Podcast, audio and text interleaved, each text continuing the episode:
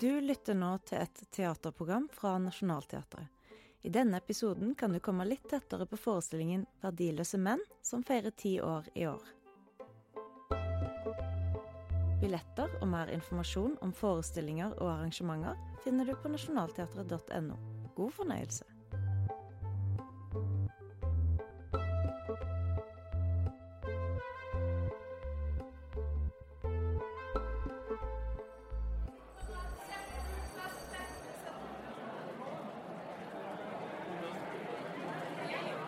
Nationaltheatrets hovedscene er fullsatt. Det er en fredag i slutten av mai, og nesten 800 publikummere er klar for forestillinga 'Verdiløse menn'. Både temperaturen og ølføringa er høy, og spenninga er til å ta og føle på. Plutselig blir det stilt. Skuespilleren Jan Særlig har kommet inn på scenen. Han setter seg i en sliten skinnstol, tenner seg en røyk, og så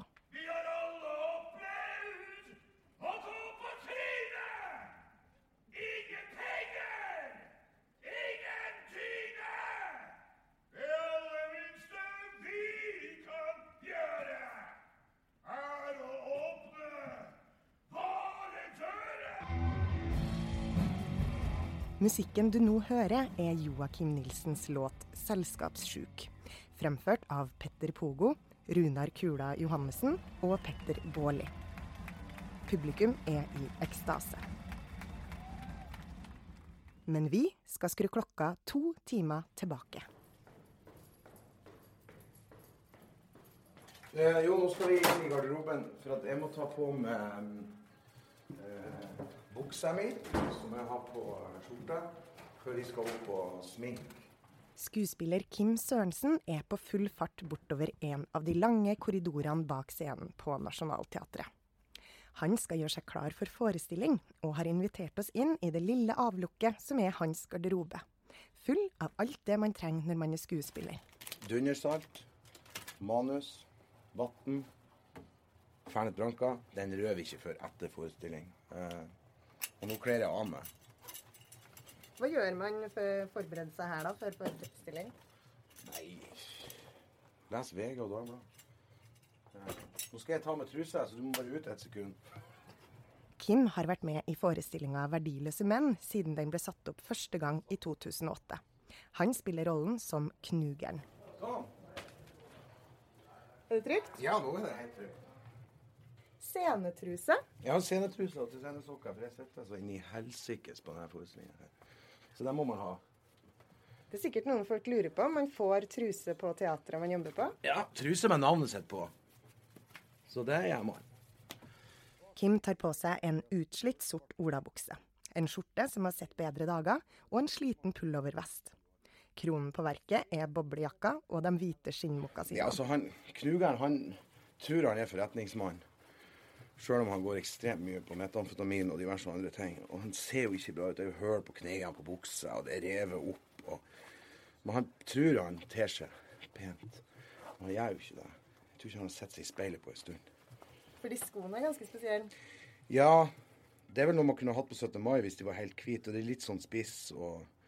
men de er jo helt de er blitt svart. Du ser jo at de var hvite en eller annen gang i tida. Så... Og så har jeg ikke turt å lukte på dem, for jeg aner jo ikke. Det er ti års bruk. For det er faktisk ti år siden 'Verdiløse menn' ble spilt første gang. Musikalen, eller Musikalen som den har blitt omtalt som, er skrevet av Kristoffer Nilsen, og er basert på låtene og universet til broren Joakim Nilsen, kjent som Jokke i Jokke og Valentinerne. I forestillinga møter du den brokete forsamlingen Goggen, Kleggen, Knugeren, Herr Smith og Annie. Historier om damer og dop, tigging og øl, døde venner og udødelig kameratskap flettes sammen. Men nå skal vi gå opp og, og sminke oss. Vi er tilbake i gangene, på vei til teatrets maskeavdeling. Hallo. Hallo. Maskedesigneren på forestillinga 'Verdiløse menn' er Fie Baro. Med silikon og sminke forvandler hun skuespillerne i 'Verdiløse menn' til junkies på få minutter. Så du tar jo Fie to sånne Hva er det for noe her? Eh, silikon. To silikonting og blander det, og så skal det i trynet mitt. For han har vært så uheldig og fått et eller annet. som vi ikke helt vet hva er for noe. En eller annen kjønnssykdom gone bad, tror vi det er. Ja. Jeg brukte han på leppa, men nå har jeg fått skjegg. Så nå legger vi han eh, på venstre side av nesen. Den har smitta seg oppover, tror jeg, fra Mm. forrige gang. På ti år så skjer det noe med den. Det er noe med det. Fie har jobba med Verdiløse menn de siste tre gangene den har blitt satt opp, altså siden 2014. Nei, det er jo som en sånn hjertebabyforestilling. Så ja, det er derfor jeg har sett hver eneste forestilling. De, de siste rundene. Hvor mange kan det være? liksom? Snart 50 forestillinger? Ja, det må det i hvert fall være. Ja. Og så har jeg samlet eh, de brukte sykdomssårene hans i en boks. Så det, Det er mye historie. ja, det er mye historie. sånn. For det er noe spesielt med akkurat Verdiløse menn, ifølge både Fie og Kim. Det er jo spesielt. men Alle som er med på det, får jo et eierskap til det. Og føler man har vært med på å skape et eller annet. Det er, altså, alle forestillinger er forskjellige, og, og noen har det sånn som det her. og det er Det er ganske unikt, faktisk. Det er jo det. Og det er kanskje en av grunnene til man holder på for man får noen av de der spesielle prosjektene. Og det de skal man ta vare på. Hva som gjør den her spesiell, da? Jeg tror også det er samholdet i gruppa. Altså, det har aldri vært noen store krangling i noen ting. Vi har eh, utrolig respekt for hverandre. Eh, Det at det kommer veldig altså, an, altså, andre typer folk på teatret. Så det er, noe, det er noe eget. Og så er det en viktig historie som vi forteller. Den er kjempeviktig å få ut der. Eh, For vi går forbi de med nesa i sky og er på vei til jobb og har penger på konto og, og lever våre beskytta liv. Så vi, må bare huske at det finnes andre folk der ute.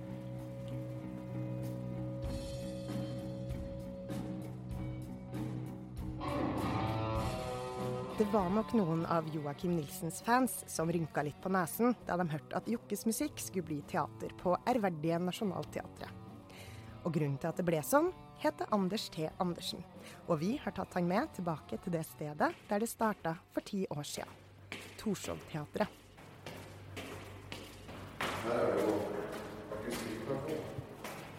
Du har gått opp den trappa noen gang før? Ja, dette her er jo ofte er det jo siden sist, da. Så det, her var man jo har man jo vært mange ganger på prøver. og man, Det er liksom sånn spesielt å gå opp den trappa. Vi trasker opp den lange trappa til toppen av tårnet i Soria Moria-bygningen på Torshov, hvor Nationaltheatret har hatt en liten scene i 40 år. Som scene så er det kanskje en av de Altså er en veldig spesiell i verdenssammenheng. Hvordan det er utformet. Ja,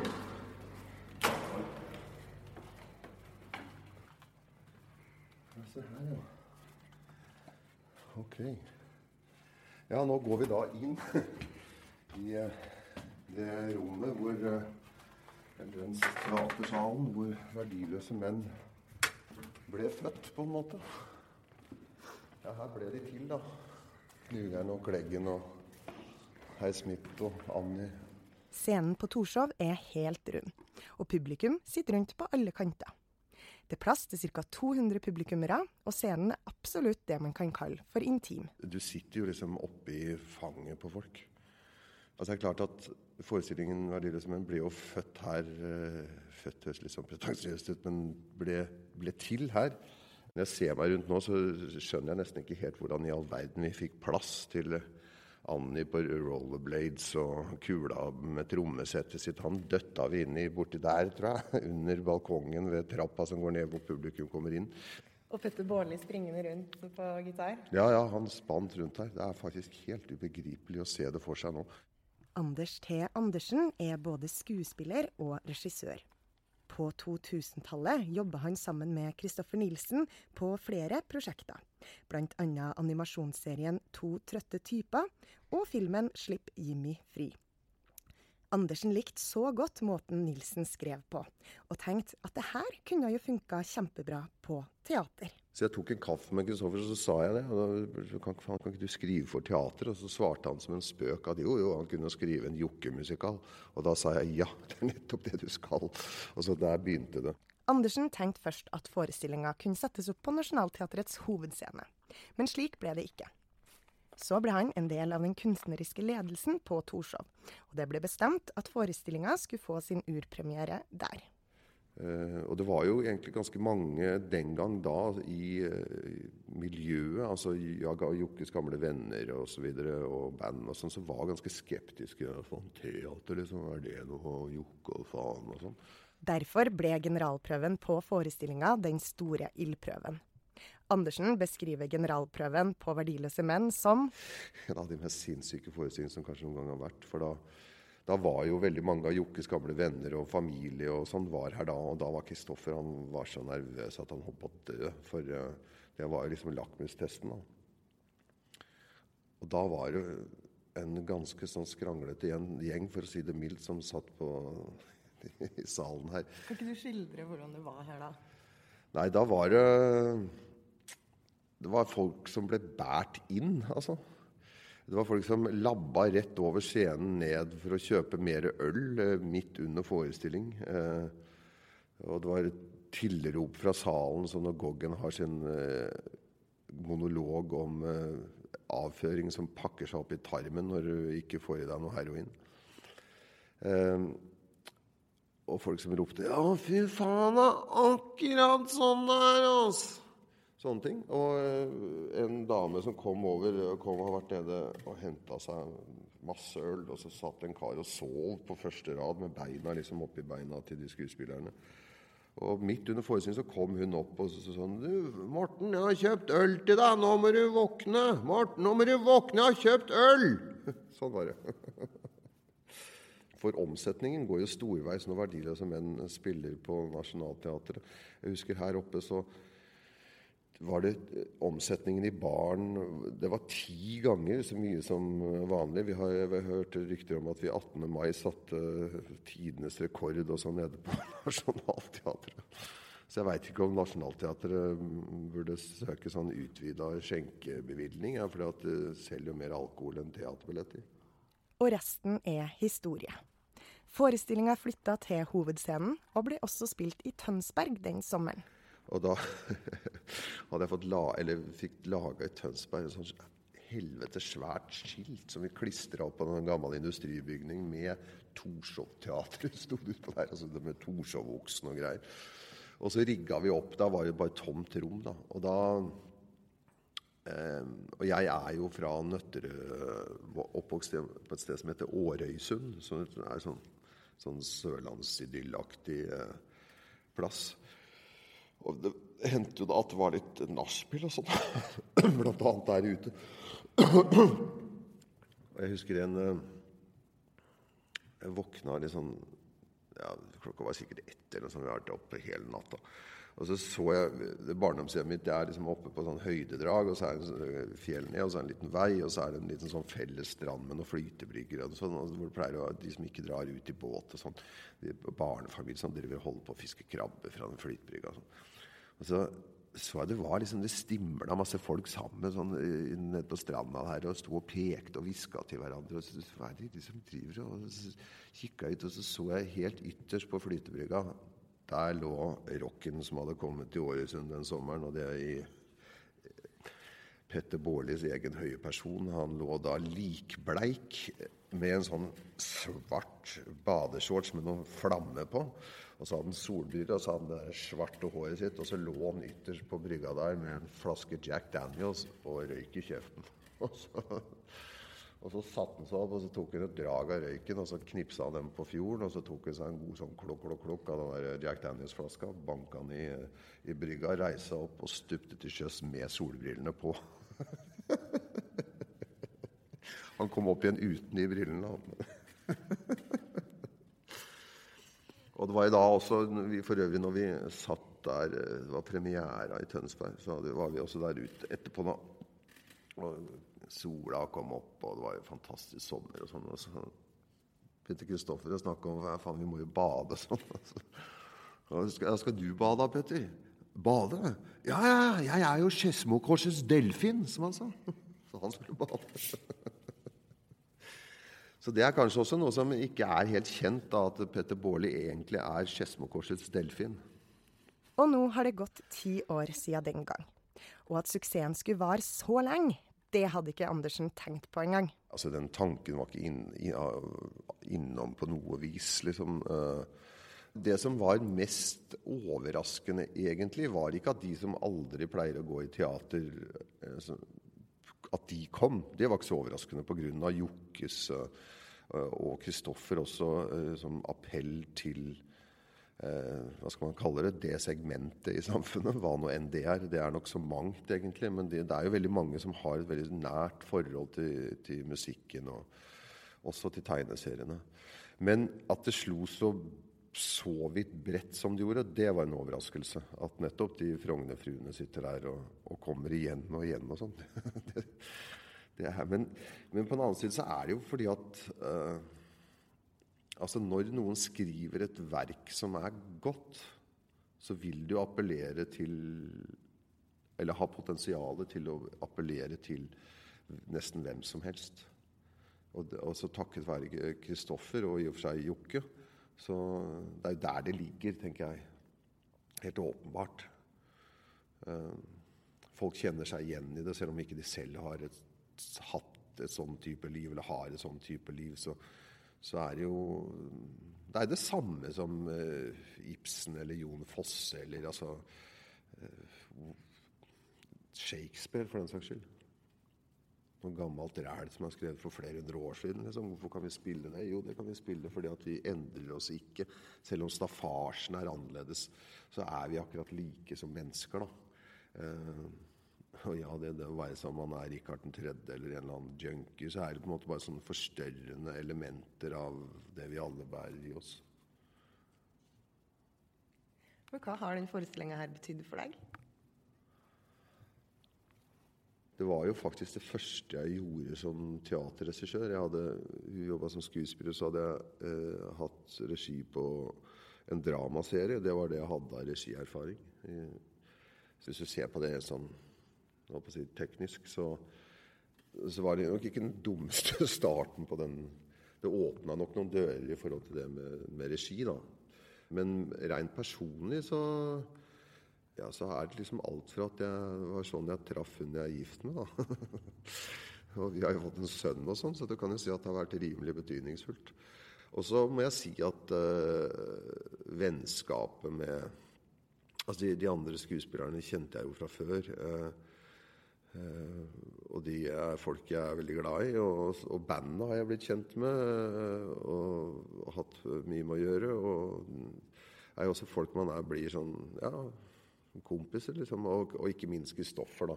Nå var jo i og for seg det vennskapet med Kristoffer var jo allerede oppe og gikk, men man har jo ikke blitt noe mindre kjent av den grunn. Så nei, så det har jo øh, betydd egentlig mye mer på mange fronter enn det man liksom skulle øh, Hvem kunne visst det, liksom? Da du satt her for ti år siden. Nei, er du gæren? Jeg ante jo ingenting, liksom. Tror du det blir ti år til? da? Eh, ja, hvem veit, liksom. Jeg tror at Det er helt umulig å svare på, men, eh, men jeg tenker at de skuespillerne kan jo i hvert fall ta med seg den på, når jeg er på gamlehjem. da, så Spille med sånn hatt og sånn knekk i knærne. Det blir kanskje vanskelig da, men kanskje kan spille med gåstol og sånn, og så eh, spille for de andre gamle.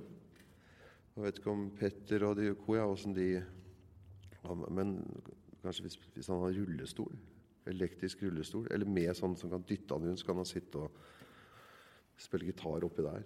Kula sitter jo, så bare han er bra i skulderen, så kan han spille. Jo da, nei, jeg tror på det, at dette kan sikkert spille i nesten 100 år til. Nei, du, jeg veit ikke. At, at stoffet holder, eh, at det har holdt i ti år, det Ja, jeg tror nok at materialet, altså teksten til Kristoffer, og for den saks skyld eh, Jokke også, den, den, den, den tror jeg har eh, lang holdbarhetstid. Altså. Så er det kanskje verre med oss andre. Jeg vet ikke.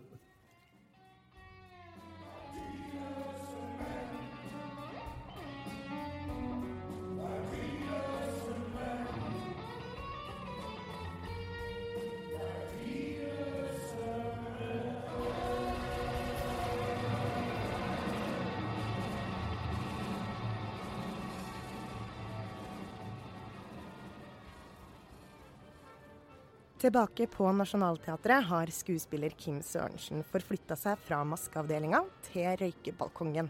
Er viktig å røyke før man varmer opp stemmen. Der er det korpsmusikken som rår. I sterk kontrast til rockemusikken som snart skal ljome fra teatrets hovedscene. Kim tar seg tid til å mimre litt sammen med oss fra ti år tilbake. Ja, nå husker jeg ikke om det var på premieren, eller om det var første uka, eller om det var en av de første prøveforestillingene. Det husker jeg ikke. Men når vi var på Torshov, så serverte de altså øl og vin i glass. Og når vi skulle ta applausen, så kom det altså rivende glass, og det spruta jo overalt. Og da gikk jeg og sa dere må begynne å servere i plastglass, altså, for dette var jo et helvetes styr. Og det er jo sånn at Hvis man går på Rockefeller for eksempel, og ser Jokke, når, når Jokke levde, og det er vel sånn nå med tributebandet og Valen så kjøper man to halvlitere. Én kaster man opp på scenen, og én drikker man. Og det var vel det de gjorde i iveren her. Men eh, de glemte bare at det var glass, og ikke plastikk. Så det var særdeles ubehagelig opplevelse, for å si det sånn. Eh, så husker jeg en gang òg, det var var på hovedscenen her, da han Gard Eidsvoll som spilte Kleggen, sier ganske tidlig sånn Hei, er det noen som har noe å røyke på, eller? Og da var det noen som slang hasj, en hasjklump opp på scenen. da. Vi syntes synd på han Gard som ikke hadde, eller Kleggen, da, som ikke hadde noe å røyke på. Så de har lyst til å dele der de har, da. og det er jo fint. Hjelpe en broder i nød. Eh, hvordan har det vært å spille en forestilling i ti år? Jeg regner med den eneste forestillinga du har spilt eh, så lenge? Jo, altså Vi merka jo noe siste gangen nå når vi tok det opp igjen. Vi hadde jo fire prøvedager for å ta det opp igjen. og det, det som er rart når man er skuespiller, det er at hvis du vet at det er siste gang du skal spille, så tar hjernen din på en eller annen måte og sparker deg bort. Men sånn som det her visste vi at det kom til å komme opp igjen. Så det ligger der. Og det er litt rustent, selvfølgelig, men det, du, du, du, du, finner deg igjen. Og så tror jeg vi blir mer voksen. Eh, det er mer tyngde bak forestillinga nå eh, enn det var for tre år siden når vi spilte. Eh, og i hvert fall for ti år siden. Og vi har jo blitt eldre, vi òg. Så den er vel bare marinert litt mer og ja, fått litt mer kjøtt på seg. Og, og stikker kanskje enda dypere enn den gjorde før, da, vil jeg tro. Ja, så det det er en fryd å gå ut på der. Det er kjempegøy.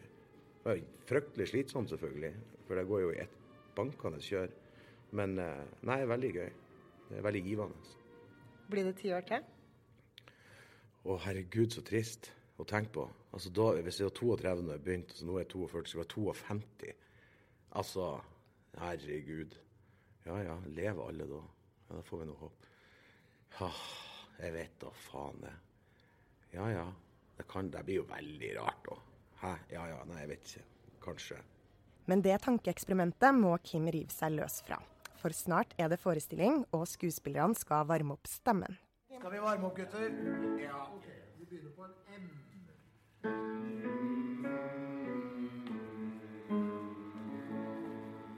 Og hvis du trodde at de varma opp til rockemusikk, så kan du tro om igjen. Før hver forestilling siden urpremieren i 2008 har de nemlig avslutta oppvarminga med den samme låta.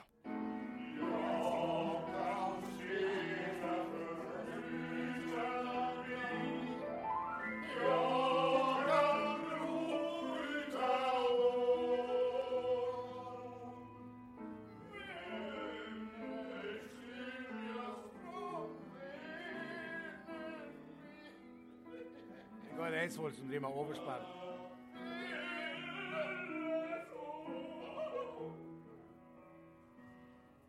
Inne på scenen er heldigvis lyden en litt annen.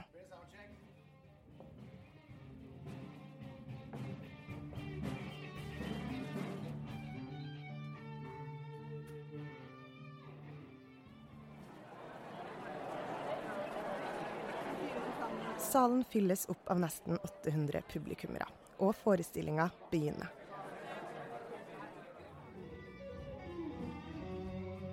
Etter to og en halv time med latter, tilrop, allsang og skåling over ei lav sko, er forestillinga over.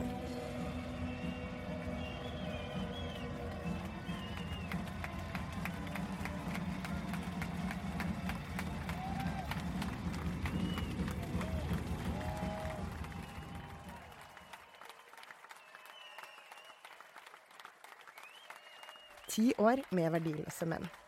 Og hvem veit? Kanskje det blir ti år til?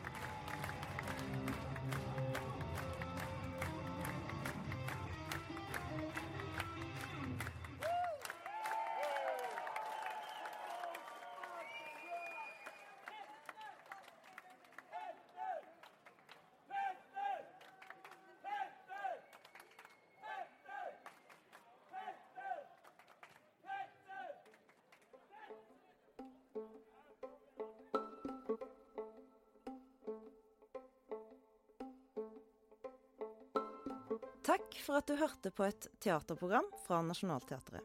Musikken du hører nå, er komponert av Gaute Tønder, og reportasjen er laga av Åsta Hoem Hagen. Husk at du kan følge Nationaltheatret på både Facebook og Instagram. Vi håper å se deg i salen. Velkommen i teatret.